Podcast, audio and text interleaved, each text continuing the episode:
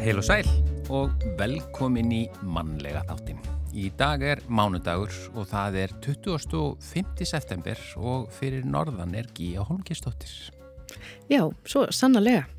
En hvað hefur gerst eh, á þessum degi 25. september í gegnum tíðina? Árið 1850 þá var fyrsta heildar löggjöf um erðir. Eh, hún gekk í gildi á Íslandi og sangkvæmt henni skildu dætur njóta sama réttar til arfs og senir. Já og á þessum degi árið 1903 var eh, Íslandsbanki settur á stofn. Og 1975 þá var Lagafors virkun víð og tvöfaldaðist raforku framlegsla í aust fyrðingafjörðungi þegar hún tók til starfa. Svo var það þessum degi árið 2000 sem að Vala Flósadóttir hlaut bronsverlun í stangastökki á ólimpileikonum í Sydney í Ástralíu. Þá öskræði ég nánast frá mér öllina. það var svo gaman. Uh, árið 2009 þá kom eldur upp í höfða í Reykjavík 25. september 2009. Já. Ég er nýbúin að vera fyrir utan, það allavega sér ekki ennþá á honum. Það er nú gott. Já, já. Eh, Bólungarvíkur göng voru opnuð á þessum degi árið 2010. En þá að efni þáttarins. Nýlega var stopnaði kjarahópur á vegum félags eldriborgara á Akureyri en hópnum er ætlað að vinna framgangi kjaramála félagsmanna á Akureyri og hafa áhrif á stefnu land sambands eldriborgara ef varðar réttinda og kjaramál. Formaðið þessa hóps er Björn Snæbjörnsson en hann er nú ja, fyrirverðandi formaðið starfskrænasambandsins og fyrirverðandi formaðið stjættafélagsins einingar yðju þannig hann kann vel á þetta og hann Björn verður gestur mannlega þáttarins í dag og segir betur frá markmiðum og tilgangi þessa hóps. Já, og svo er auðvitað mándagur, þá fáum við vingil frá Guðjóni Helga eins og flesta mándag og í dag ætlar hann að leggja vingilin við jeppamenningu og almenningssamgöngur í þjettbíli og svo er það lesandi vikunar og í þetta sinn er það Fríða Brá Pálsdóttir, sjúkraþjálfari og eins og með alla lesendur þá fáum við að vita hvað hún hefur verið að lesa undanfarið og hvaða bækur og höfundar hafa haft mest áhrif á hana í gegnum tíðina. Já, en fyrsta lag þáttarins á hljómsveitin Gós.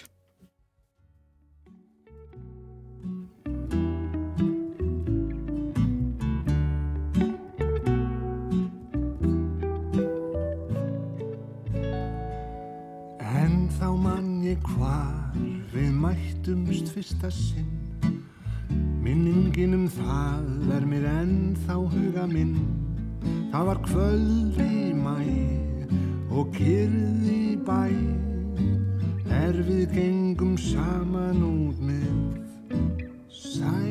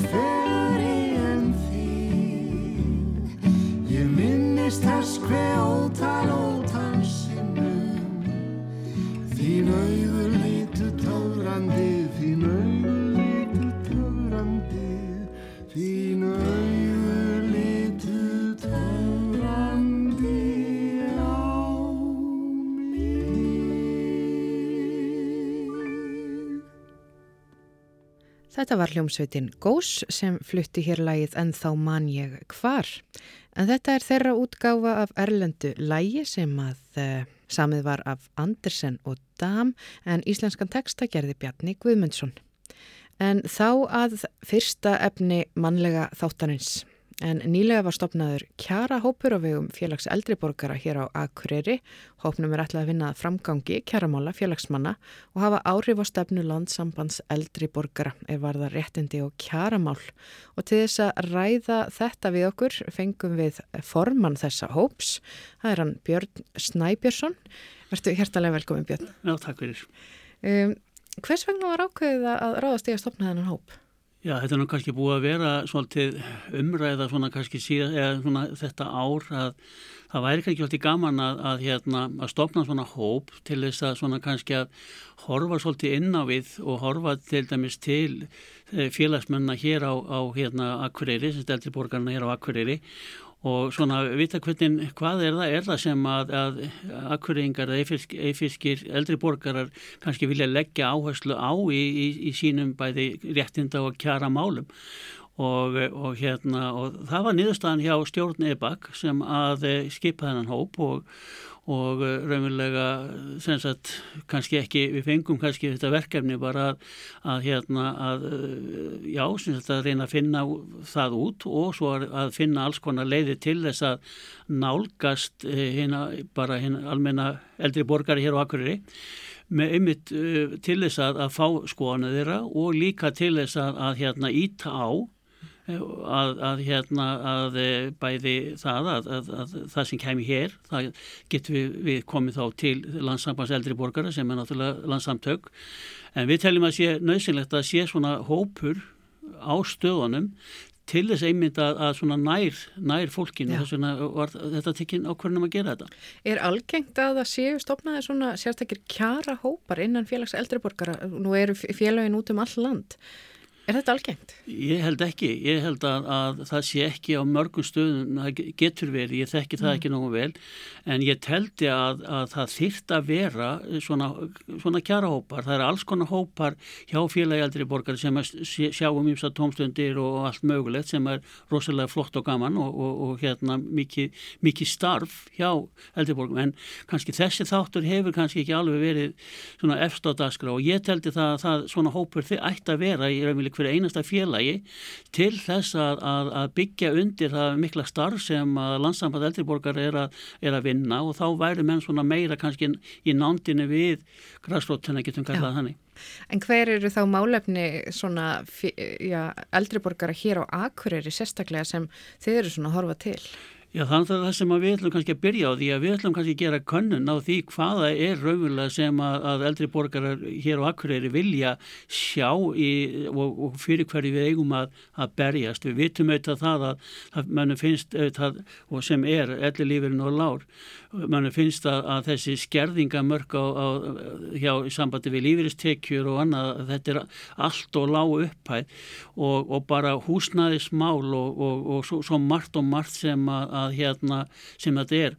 Og, og, og einmitt verkefni svona hóps er líka að horfa inn á við, ég menna getur sveitafélagið eitthvað, eitthvað í réttindamálum, kjaramálum sem það getur komið til móts við, við, við okkur og, og svo bara að vinna að þessum á landsvísu og vegna þess að það sem að mér, mér personulega sem þetta búin að vera lengi í alls konar svona kjaramálum og annað, þá finnst mér einhvern veginn að, að eldri borgara sé ekki nógu beittir Já. í einmitt því að, að, hérna, að ræða sín, sín, sín mál og, og bara, mér finnst að þurfi að vera bót á því og, og vegna þess að aðilar sem að við erum að, að, hérna, að semja við eins og ríkið og annað, mér finnst að þeir, þeir bara einhvern veginn eh, halda það að við, við höfum ekkert afl og þurfa ég vil ekkert að hlusta á okkur. Já, og við þurfum að sína kraftin okkar vegna þess að þetta er rosalega stór hópur og ef við viljum ná einhverju fram þá getum við það með samtakamætti. Já, og það þarf að vera þá umræðuhópar og græsrótin þar svona að ja, spyrna sér upp á einhverju botni. Já, já, og, og það til dæmis síndi það á þessu fundi á miðgudaginn en það núna sem að var hérna í naustaskóla, það sem að, að var mjög góður fundur, það sem að þeir komu frá landsamvætti eldri borgara, Þorbjörn Guðmundsson og Helgi Pétursson og fóru svona yfir hvað landsamvætti var að gera og ákveðna áherslur í sambandi við einmitt kjaramál að það mættu um 200 manns Þannig á mikill. sem er náttúrulega, já, já landsíðan maður hefur séð svo fjölmennar fund og, og, og það segir mér bara eitt að þetta málefni það bre- brennur á okkar fólki og, og, við ætlum bara þessi hópur sem var stopnaður, við ætlum bara að standa undir merkjum og, og hérna og keira þetta áfram því að greinilega vantar ekki áhugan hjá hennum almenna eldri borgara hér á Akureyri. og þessi fundur sem þú talaður um, hvað fundur var þetta nákvæmlega? Þetta var fundur sem að, að félag eldri borgar hér á Akureyri stóð fyrir og hann var, var sem sagt, uh, þeir komið þarna þessi sunnan, Þorbjörn Guðmundsson sem er formaður hérna kjara nefnda eða kjara hóps sem sagt eldri borgar á landsvísu og voru að fara yfir svona hvað þeir hafi verið að vinna og, og, og hérna segja okkur frá því og, og áherslu á, sem að þeir eru með og er nú, hjá þeim er núna rásta eða semst landsrástefna núna annan, annan oktober á, á Hiltons það sem að verður einmitt pólitíkusar og verkefliðsfélög og fleira sem að verða þar hérna mæta og, og svo, svo hérna skýrðum við frá stopnum þessa, þessa hóps sem að, að ég er fórustum að fyrir. Já, um, sko, þú skrifaðir síðan í kjölfarið af þessum, já, á sama tíma og þessi fundur var, þú skrifaði pistil uh, inn á akureyri.net, staðarmiðil hér á Akureyri, um, þar sem þú fjallar svolítið um þetta og þú, og þar ert að svara svona nokkrum spurningum. Um, og eina af þessum spurningum er hvernig er hægt að vekja ráðamenn og láta það skilja að við meinum það sem við segjum? Mm og þú ert með nokkra punta Já, sem að mér finnst svolítið aðteklisverðir erum við alltaf hóvar í okkar mála, hérna, mála, málflutningi? Sínum við mikla hlýðinni nennum við ekki að berjast fyrir okkar málum? Um, og hérna erum við ekki nógu djúsi fyrir fjölmiðlana?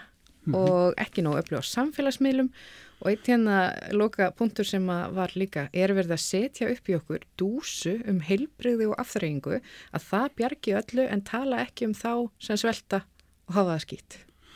Já, þetta er, ég eh, hugsaði þetta svolítið og, og þetta kom með mitt fram í, í erindinu mínu á, á þessum fundi. Sko ég held að, að, að það sem að er alveg klárt að pólitíkus að þeir óttast okkur ekki. Mm -hmm.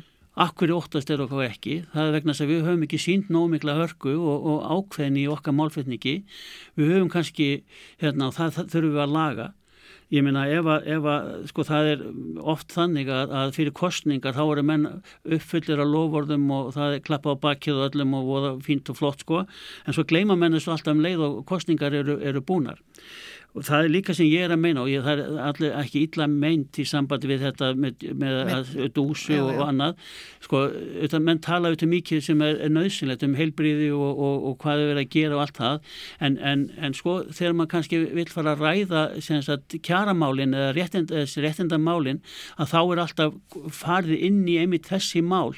Já, ég, við vorum nú að gera þetta svona og svona og svona, svona en, en, en, en komast alltaf undan því að ræða það, það sem um, um lífeyririnn, um skerðingamörkin og þetta sem að brennur á okkur líka og, og hérna, en, en það er ekki verið að vanþakka það sem er verið að gera á hinnu sviðinu, heldur er þetta nota pínliti til þess að, að komast hjá því að þurfa að svara hinnum erfiðu spurningun. Akkurat.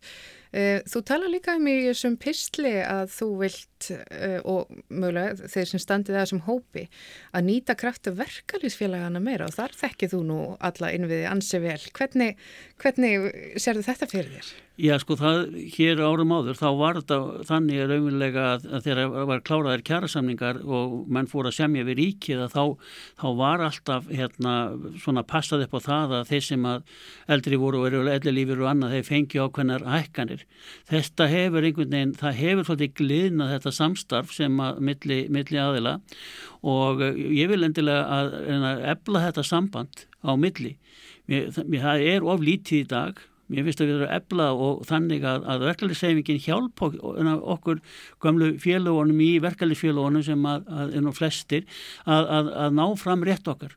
Og mér finnst svona sambandi á milli, milli okkar eldri borgarna og verkefliðsefingarna ekki hafa verið nógu mikið núna undarfærin, undarfærin þó nokkuð mörg ár og þetta þarf að laga vegna þess að, að, að samstarfi verkefliðsefinguna og, og, og sem þeir þekkja náttúrulega allt í sambandi kærabort og annað og að samninga við ríkið. Við þurfum að efla þetta, við þurfum aðstóð til þess að, að hérna, ná fram okkar e, vilja og kraftur verkefliðsefingarna er mikill og ef að eldri borgar og verkefliðsefingir standa saman þá, þá getum við ansi margt. Já, og þú talar um, og þú sagðir það áðan hérna, þau þurfti eiginlega að virkja græsrótina Eh, í svona eldri borgurum að, að huga betur að réttindum sínum og, og, og, og ræði saman.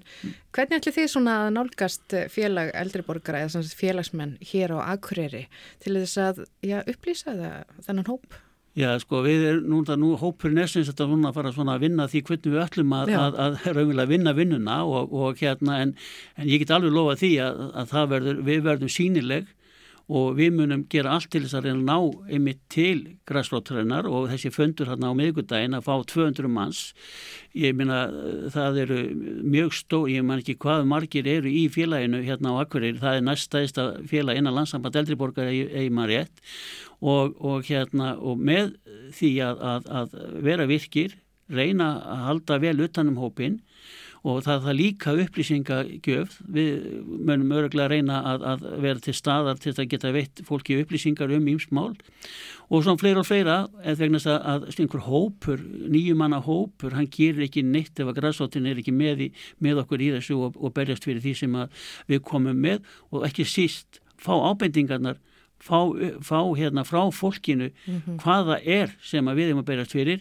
Við getum útvertað og, og, og komið því á framfæri en náttúrulega grunnurinn er fólki sjálft. Já Um, þú ert nú ekki ókunnur já, þessu, þessari kjara baráttu og varst uh, hjá uh, starfsgræninsambandinu og stjættafélaginu einingu yðju um, og þú heldur bara áfram, núna komin í, í kjaramál eldri borgara. Já, ég, ég maður er búin að vera í félagsmálu síðan maður mann eftir og, og þetta er sko, þetta er áhagamál og, og hérna og já, maður kannski bara, maður vil alltaf gott að sé leiða og og ég hef áhuga fyrir þessu og hérna og já, og nú hefur maður náða tíma þegar maður hættir að vinna og, og hérna, akkur ekki að skella sér bara í þetta. Já, og er þetta skemmtilegt? Já, já, er, ég, ég er nú búin að 41 ár í, í verkefnismálum og, og hérna og ég held ég hef aldrei séð eftir því að fara í það. Nei, uh, er eitthvað sem að, sko, kemur þér óvart núna þegar þú farin að fókusa svona á kæramál eldriborgara, þú sem þekkir svo marga ánga að kjara málunum? Er eitthvað sem kemur þið bara óvart þegar þú ferð það svona að, að fókusera inn í þennan málaflokk?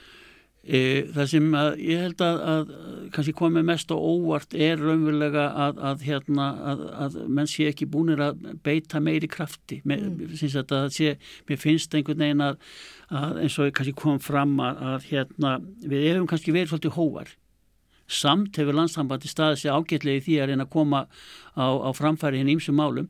En ég held að þurfum bara meiri kraft. Og ég held að, að það að stopna einhvern svona kjara hóp í hverju einasta í eldri borgara vitt og breytt um landið og, og nýta þá þekkingu af stöðunum inn í starf landsambansins ég held að það myndi, myndi hjálpa okkur mikið og vekja menn til umhugsunar Mm -hmm. Það sé ekki bara einhver, einhverjir aðilar hjá landstæðanbæti eldri borgar sem sjáum þessi mál, heldur það sé, sé verið að, að, að nýta kraftin út um allt land þá held ég að við náum líka meiri árangri. Við eigum að stanslust að tala við þingmennina, við eigum stanslust að tala við bæjarfættrúana og þá sem að, að ráða og, og þá náum við árangri. Akkurat. Já, ég segi bara takk fyrir komuna hinga í mannlega þáttinn Björn Snæbjörnsson og gangi ykkur vel og uh, bara bendum auðvitað áhuga sama hér á Akureyri á að þeir geta haft samband við félag eldriborgara til þess að komast í samband við hópin. Já. Þið viljið alla umræði sem að bara hægt er að ná upp. Alla umræðu, alla ábendingar rosalega vel þegnar. Takk, Ta takk fyrir komuna Björn og gangi ykkur vel. takk.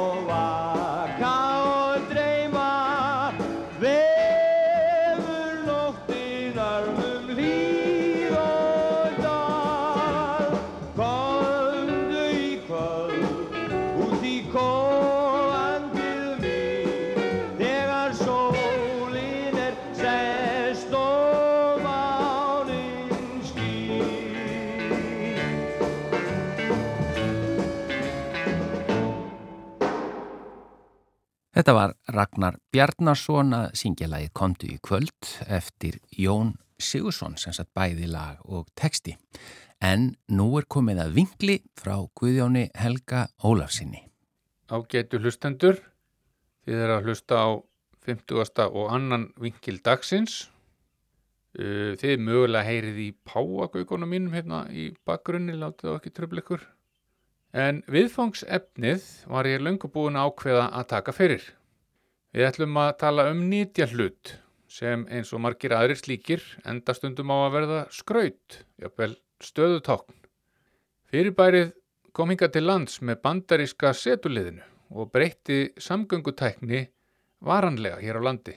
Við erum að sjálfsögða að tala um jeppabifreiðar eða jeppa sem íslensk nútímamáls orðabók stopnunar Árna Magnússonar nefni svo og tilvitnun hefst. Sterk byggður bíl með drif á öllum hjólum sem hendar til aksturs á vegleysum. Tilvitnun líkur. Ég ætla alls ekki að gera upp á milli tegunda en lendi sennilega í að nefna nokkra til sögunar og gleyma öðrum vona að það fyrirgefist. Það er ekki illa meint. Vekkir flestra kaffistofa á Íslandi hafa mátt þóla spjall um jeppa. Sumir vekkir jafnvel svo heftalega að málningin hefur flagnað af. Margir eiga jeppa sögur til að segja í góðra vinna hópi. Oft er reynslu sögur úr svaðelförum, kannski örliti farið þar í stílinn, en ekki síður sögur frá þriðja aðila og hafa margar hverjar á sér yfirbræð þjóðsögunar, varðandi stílbröð og efnistök. Margar jeppasögur eru þess eðlis að geta ekki kallast þjóðsögur, sakir inn í halds, heldur ganga lengra og mega alveg hygstalust fara í skúfu merta legasögum. Það er ekkit verri sögur. E, Kanski við förum aðeins í grundvallar atriðin áður en lengrar haldið. Í dag er alveg óætt að gera ráð fyrir því að allir sjáandi Íslandingar viti hvernig bíl lítur út. Þetta er kassi með fjórum hjólum og almennt er unni með það að þau séu sem næst úthotnum. Það hefur reynst vel með tilliti til stöðuleika. Vissulega eru til bílar sem hafa einungis þrjú hjól, eins og til dæmis Reliant Robin, en það er ekki jeppi og þótti heldur ekki vel hefna fyrirbæri og endaði yfir eitt á hliðinni ef geist var farið í beigur. Fyrir þá sem kannast ekki við þryggja hjólabíla má geta þess að í þáttunum um Mr. Bean bregður oft fyrir bláum Reliant Regal Supervan sem fær að þóla ímislegt. Þryggja hjóla mótorhjól eru algengara fyrirbæri og mótorhjól með hlýðarvagni er teknilega séð þryggja hjóla farartæki en við erum bara þess ekki að ræða slikt í dag. Bílar hafa sem sagt almennt séð fjögur hjól. Algengasta fyrirkomulegið í dag er að framhjólinn tógi bílinn áfram.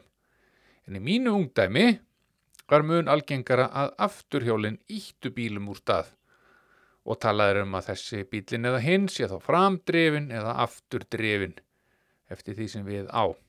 En jepparnir sem við ætlum að skoða eru hins vegar með drif á öllum hjólum og það köllum við til hæðarauka að vera fjórhjóla drifin.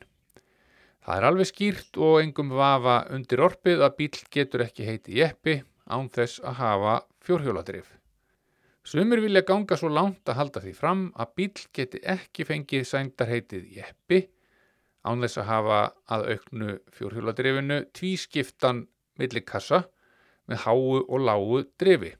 En aðrir vilja meina að bíl geti alls ekki kallast jeppi án þess að stafirnir jóð, tvöfalt e og p komi fyrir í tegundarheiti viðkomandi bifriðar. En sjálfum finnst mér það nú full nákvæm skilgerinning og vil benda á að slíkt er til dæmis ekki í samræmi við álmenna málhefð þér á landi. Jeppar geta bæði heitið Jeep og eitthvað annað en bílar sem eru ekki með fjórhjóladrifi eru aldrei og ekki undir neinum kringumstæðum jeppar. Þeir geta ekki heitið sportjeppar, borgarjeppar eða nokkur skapaðar hlutur með endingunni jeppi.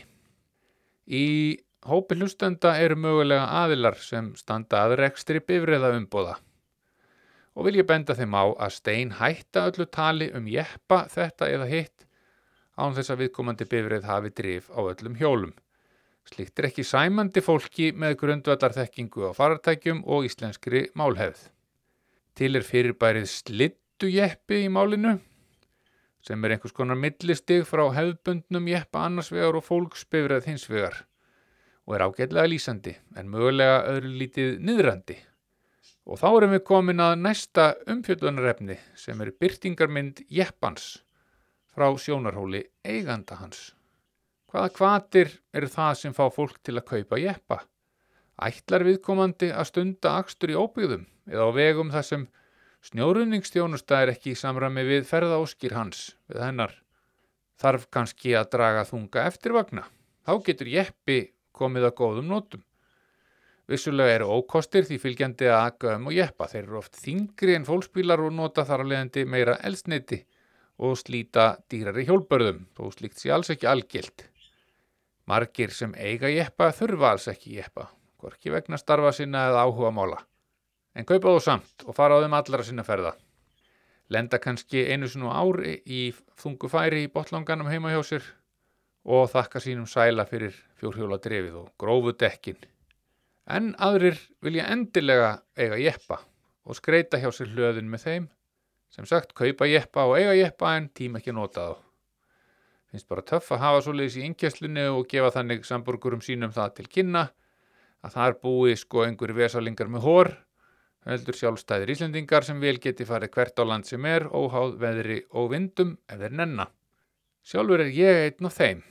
Konan mín segir að ég sapni bíldruslum og það sé ljóður á mínu ráði.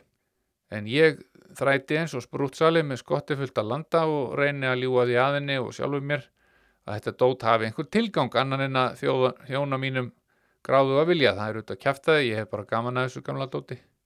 Og aukin heldur býja í flóanum, einu snjólittasta svæði landsins og renni bara nokkrar ferðir á árið til fjallanum voruð. Svo var tíðin að ég stundaði vinnu við hálendisbrúnuna, bróðurpartin úr árinu og þurfti að komast utan alfara leiðar yfir ár og vötn, sanda, vikra og drullu, þegar snjóskabla. En þá dugði mér oftast gamall blár Subaru skutbíl með drifa á öllum hjólum. Nú er þetta bara leikaraskapur. Og það er ágættis byrjun á næsta kapla í sögunni, leikaraskapur. Þó að margt megi um okkur Íslendinga segja er ekki hægt að halda því fram að við höfum ekki tekið möguleikunum sem fylgja því að eiga jeppa fagnandi. Við höfum hreinlega gert það að listformi. Hér er til dæmis fjöldi manns í ferðaklubnum fjórum sinum fjórir og stunda hálendisferðir á breyttum jeppum sér til ánægu og indisauka. Þetta góða fólk lætur sér heldur ekki muna um að leggja til vinnu sína á tæki þegar hættur stæði að okkur almennum borgurum vegna veðurs við jafnvel náttúruhamfara. Það hefur haldgóða þekkingu á siglingafræði og ómetanlega reynslu sem aflað hefur verið með ástundun síns áhuga máls. Ferðarþjónust á Íslandi væri heldur ekki svipur hjá sjón ef öngur væru jepparnir eða fjallatrukkarnir að óglemdum öllum vélsleðunum. Og ferðafólki sem hinga kemur ætlast líka til þess að sjá torfærutækin á götunum. Þau eru auðvitað búin að kynna sér staðhætti í gegnum internetið áður en haldið er á stað til Íslands og vita að hér býr fólk sem bæði kann og getur ferðast um sitt eigið land á faratækjum sem það sjálft hefur útbúið til farar. Þetta freistar margra, hinga kemur ótrúlegur fjöldi fólks sem langar að vera með, langar að aka um hálendið, sofa í tjaldi undir miðnættur sól og hýta morgunkaffi á prímus utan alfara leiðar. Þessi romantík aflar líka okkar sameinlega ríkisjóðs, meiri tekna heldur en aðrar atvinnugreinar. Nú er ég búin að rása okkur fyrir að vera sniðuga, útbúa farartæki og ferðast um landið, en við fáum að samaskapi mínus í kladdan fyrir almenningssamgöngur. Rúmlega 63% landsmanna búa á höfuðborgarsvæðinu sem einungis þekur 1% af flatarmáli Íslands. En þar nýta bara 5% íbúana sér almenningssamgöngur. Þannig að ef þær væru graðhæstur þá væri búið að geldan. Við þurfum að vera jafn skapandi og sniðugvarðandi almenningssamgöngur á þessum tiltölulega litla bletti sem vel rúmlega helmingur landsmanna byggir og við höfum verið varandi ferðalög í óbyggðum hinga til. Nú ættum að láta góðar hugmyndir fæðast og flæða en hætt að berja fótastokkin á þeirri stöðu byggju sem núvarendi fyrirkomulag er. Sá sem hér mælir mann þá tíð að jeppar voru nánast engöngu sambland af vinnutækjum og fjölskyldubílum. Fyrsti jeppin sem að ég ferðaðist í var Willis Jeep í eigu afa mín svo nafna. Bandarist hergagn sem bændur og búalið tóku fagnandi í lok síðari heimstyrjaldar. En gríðarlega vinsall meðal safnara og ferðamanna sem gerðnan vilja breyta sínum faratækjum. Í dag er vörumerki Jeep í eigu Stellantis, alþjóðlegs fyrirtækis með ítalska rætur og leggur nú áherslu á orkuskiptin eins og flestir framleiðendur faratækja í dag. Jeppin minn hefur ekki enn undirgengist orkuskipti, hvað sem síðar verður. Kanski verður hann einn daginn knúin af ramagsvél sem keft verður á bílapartasölu eins og gamla Buick bensínvélinn sem ekki slær feilpúst eftir 50 ára þjónustu. Kanski fær hann vettnishreyfil, það gæti orðið góður kostur einhver tíma. Kanski verður hann bara samgripur við að fer í rustlapressuna, hver veit. En þó að jeppar séu ágætir til síns brúks og strætisvagnar líka, standa þeir íslenska hestinum langt að baki varðandi eitt. Þeir eru alveg vonlausir í bjúu Góðar stundir.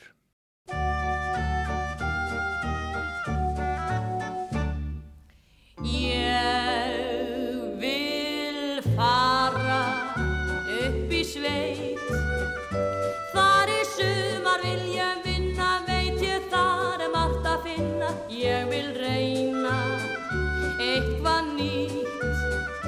Því ég veit að allir elska að kaupa konur Og ég jeppa, aftur skreppa. Ímislegt mun gerast þar um sumar kvöldin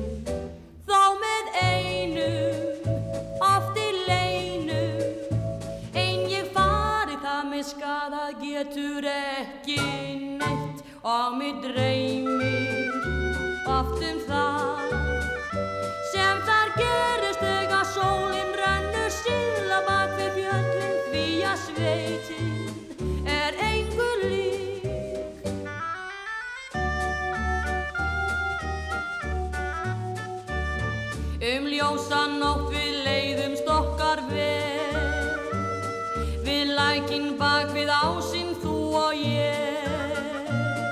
Og hvað þar verður kvísla veit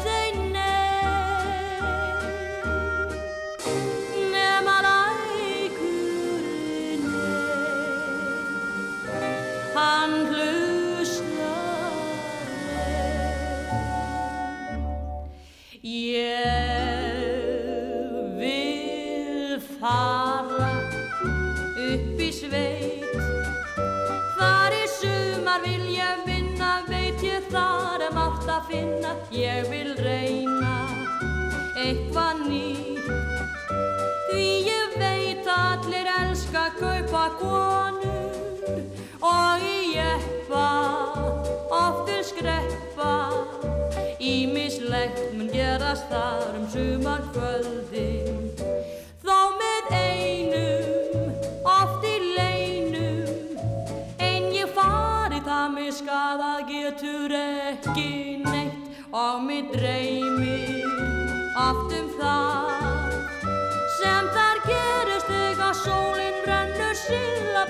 fjöllin Því að sveitin er engu öðru lík. Upp til heiða, inn til dala Liggja okkar tveggja spór Já, þetta lag átti nú vel við eftir uh, vinkilinn frá Guðjáni Helga því að þarna var talaði Ellie Williams til dæmis að hún vildi fara upp í sveit á Jeppa eins og hann var að fjallum í vinkli sínum en það er komið að lesanda vikunar og í þetta sinn er það Fríða Brá Pálsdóttir, sjúkraþjálfari sem er hinga komin, velkomin og takk fyrir að taka þetta að þér. Já, takk fyrir. Sjúkraþjálfari, hvar, hvar ert þú sjúkraþjálfari? Heyrði, ég er uh, sjúkraþjálfur á Kleppi um þessa myndir. Já, Er ég þar núna í vor? og, og er þá bara að hjálpa fólkinu sem er þar? Já, það er náttúrulega, starfseminn á Kleppi er gríðarlega yfirgripsmikil og mörg teimi og, og, og mikið af fólki sem að rúlast þar í gegn og, og við erum svona í raunin að skipulegja uh, þjónustu sjúkraþjálfara á Kleppi aftur eftir svolítið hlið. Þannig Já. að þetta er mjög spennandi verkefni sem að ég er í þessa dagana. Eh, en hinga komin sem lesandi vikunar Já. og, og eftir ábendingu. Ég fæ nú oft góðar ábendingar um, um gott fólk, góða lesendur og, og þú ert þá væntanlega talsveru lesandi. Já, ég gerir mikið að að lesa og það er svona nokkur ár síðan ég tók mér svona sérstakt eh, lestrar ár þar sem að ég hafði aðeins tapað lestra gleðin eftir háskólanámið og fór svona alveg meðvitað í það að auka lestur og það hefur bara haldist síðan og, og les bara mjög mikið bæði mér til gags og gamans. Og ertu þá með einhver svona takmörk yfir, yfir árið eða eitthvað slíkt? Sko ég hef verið með það í gegnum tíðina eh, en það eru nokkur ár síðan ég hætti því bara og Já, já. og les núna bara að, að hjartans list, ef svo má segja. Ég held nú samt oft svona aðeins lúðalega tölfræði yfir hvað ég les. Nú, hvað þýðir lúðalegt þarfræði? Uh, mér finnst til dæmis gaman að skoða eftir árið hvað ég hef lesið marga bækur eftir íslenska höfunda og erlenda. Já, það er nú ekkit lúðalegt við það. Ekkert lúðalt við það og, og hvað margar eftir kalla og hvað margar eftir konur. Um, mér finnst mjög gaman að og reyna að lesa mikið af bókum eftir höfunda sem er ekki ennskumælandi. Já, Þannig að ég reynir svolítið að, að svona halda, ha- svona halda því svolítið á lofti já, og þá sérstaklega reynir ég að lesa eftir höfunda af kannski framandi menningarheimum, mér finnst mjög gaman að lesa eftir afríska höfunda til dæmis og svona, já, þannig að þó að sé ekki beinlýnis eitthvað markmið eða, eða svoleiðis að þá hef ég það svona baku eira þegar ég vel mér lesefni. já, það er nákvæmlega ekkert lúðalegt við neina þessari tölfræði sem þú ert að segja. Nei, sko, það er mjög gott að vera lúði, sko, það Já. er algengur miskilingur. Ég er enda að nota það líka í jákvæðu Já. bæði til dæmis yfir börni mín, það má Já. kannski ekki segja það, en, en það, það er mjög ástríkt þegar Já. ég segi það. Ég er alls sammála. En hérna, uh, fyrsta bókin sem þú ættir að segja okkur frá, hún er nú íslensk, ekki Já. sant? Já. Akkurat, uh, mér langaði að segja ykkur hans frá bók sem ég var að klára að lesa aftur núna uh, sem heitir að telja upp í miljón og er eftir Önnu Hafþórsdóttir. Þetta er bók sem kom úr 2021 og er hennar fyrsta skáldsaga og ég held enn sem kom er hennar eina skáldsaga. Mm.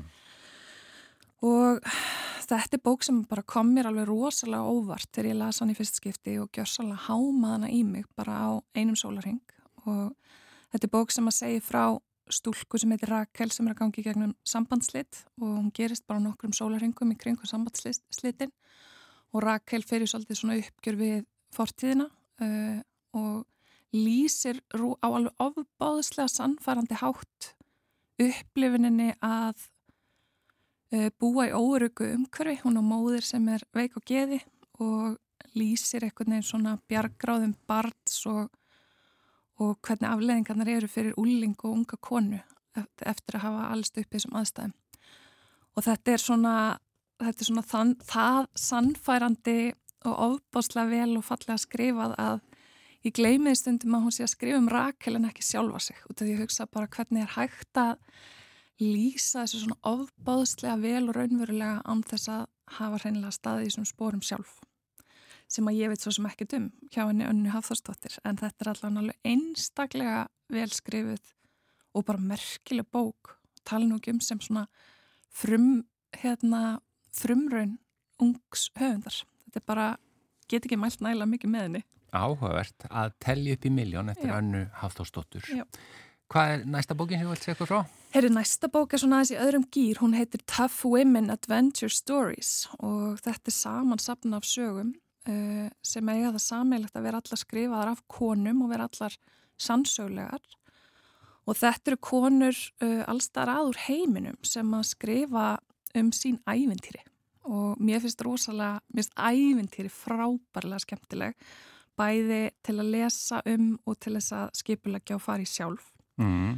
Útskýra aðeins betur ævintýri. Já, um, það er kannski bara allar mögulega hliðar á útivist og tengslinn við náttúruna. Já, já, já. Bara göngur, siglingar, hjólreiðar uh, og bara í raunin að hugmyndaflið bara það einu sem stoppar mann þarna. Já, Og í þessari bók fær maður að skiknast inn í heim uh, nokkura kvenna, ég held að þetta séu millir 20 og 30 konur sem að segja frá uh, ykkur æventýri sem þær hafa farið í og það er til dæmis konur sem hafa farið í, í pólfarir á Suðurpólinn og Norðurpólinn, mm. konur sem hafa hjólað heilu heimsálfunar endilangar og hlaupið við fjallgarða og uh, konur sem hafa búa með frumbyggjum og kortleggja þeirra líf og, og menningu og klifur og það er alls konar sögur og þetta eru allt svona sögur sem að ég fæ gæsa á það að lesa og hugsa bara, ó, hvað ég væri til í að gera þetta. Þetta, þetta vekur ævintýramanniskin í þér. Held betur. Og Já. þegar ég var að lesa bókina þá skamtaði ég mér hana, ég mátti bara lesa eitt kabla í einu út af því að mér langaði bara að hámana alla í mig. En ég leiði mér svona að lesa bara eitt kabla og leiða honum svona að lifa aðeins með mér og, og gefa mér það sem hann gaf gefið mér en hverju smjattaði algjörlega á þessari. En, sko. en sko, hva, hver og ein saga er um það bil hvað löng? Svona 10-20 blaðsjur, það er aðeins mismunandi bara. Já. Þannig að er, þetta er svona hérna, fínt bara fyrir svefnin. eru, eru konurnar, uh, hvaðan koma þær? Eru- Allstaðar áður heiminum. Þær eru, hérna, já, ég held ég geti sagt það bara, þær séu allan á mjög víða Já. komnar að.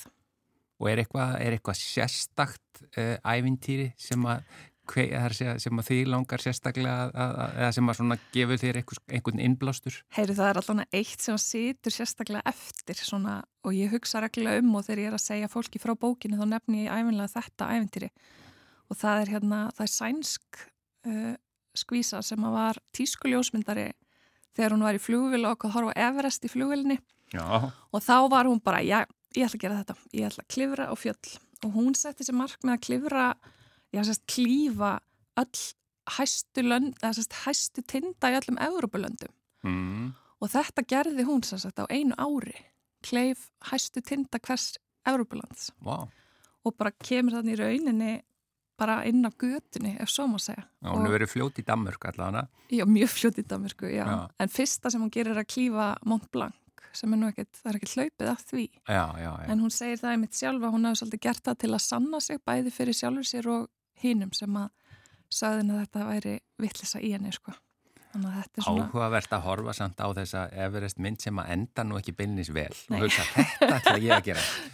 Já, já, já eh, þetta var Tough Women Adventure Stories uh, og þar er uh, ekki höfundar heldur rítstjóri, uh, það er að segja að þetta er það margir höfundar, Já, Jenny Tough. Uh, svo næsta bók, Já, það er um, bókina Little Life og ég er nú eitthvað að reyna að stama við að koma þessu höfundarnafni upp úr mér. Hann heitir Hanja Yanagihara. ég held að sé nokkuð vel gert hjá þér. Ég hef ekki bara að segja það. Jú. Það er enginn hérna til að leiðrétt okkur allavega. Nei, nei, Og þetta er, hún heitir að Little Life en hún er algjör dóðrandur, þetta er um 700 blaði sína bók en það er sama með hana. Ég byrjaði að lesa hana í janúar og eftir að hafa sko, það var búið að benda mér á hana árum saman og, og ég var alltaf alveg, já, já, ég er alveg, alveg að fara að lesa þessa bók.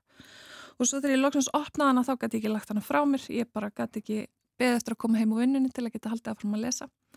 Og hún fjallar um líf fjögura ungra manna í New York og fylgir rauninni þeirra lífi alveg frá uh, fræðir klára mentaskóla og þangað til þeir deyja.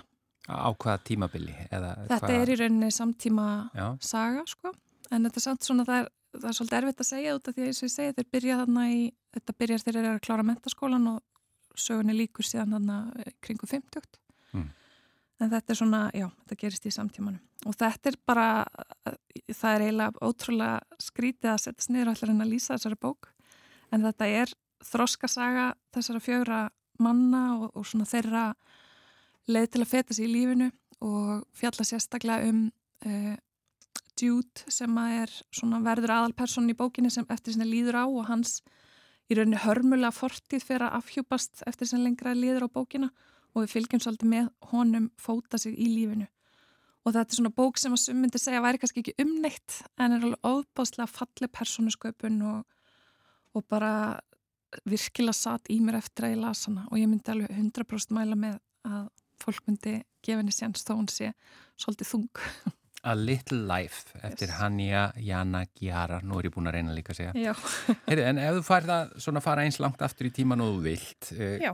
hvaða svona bækur eh, og eða höfundar koma upp sem að svona virkilega sitja í þér? Já, það er kannski fyrsta nefna höfund sem heitir Daniel Siegel sem er sálfræðingur og geðlagnir, bandarískur Mm.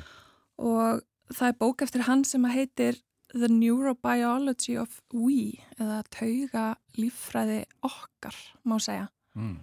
og hún fjallast um uh, á vísindarlegan og tauga líffræðilegan hátt hvernig samskipti móta heilan okkar og hvernig uh, í rauninni hvernig heilin okkar þarf samskipti til þess að mótast og þroskast og þá náttúrulega hvernig samskipti hvernig samskipti hafa áhrif á heilan og fara svolítið út í þessi fyrstu samskipti á milli fóreldra og barns og, og síðan hvernig það hefur áhrif á lífið okkar í framhaldinu.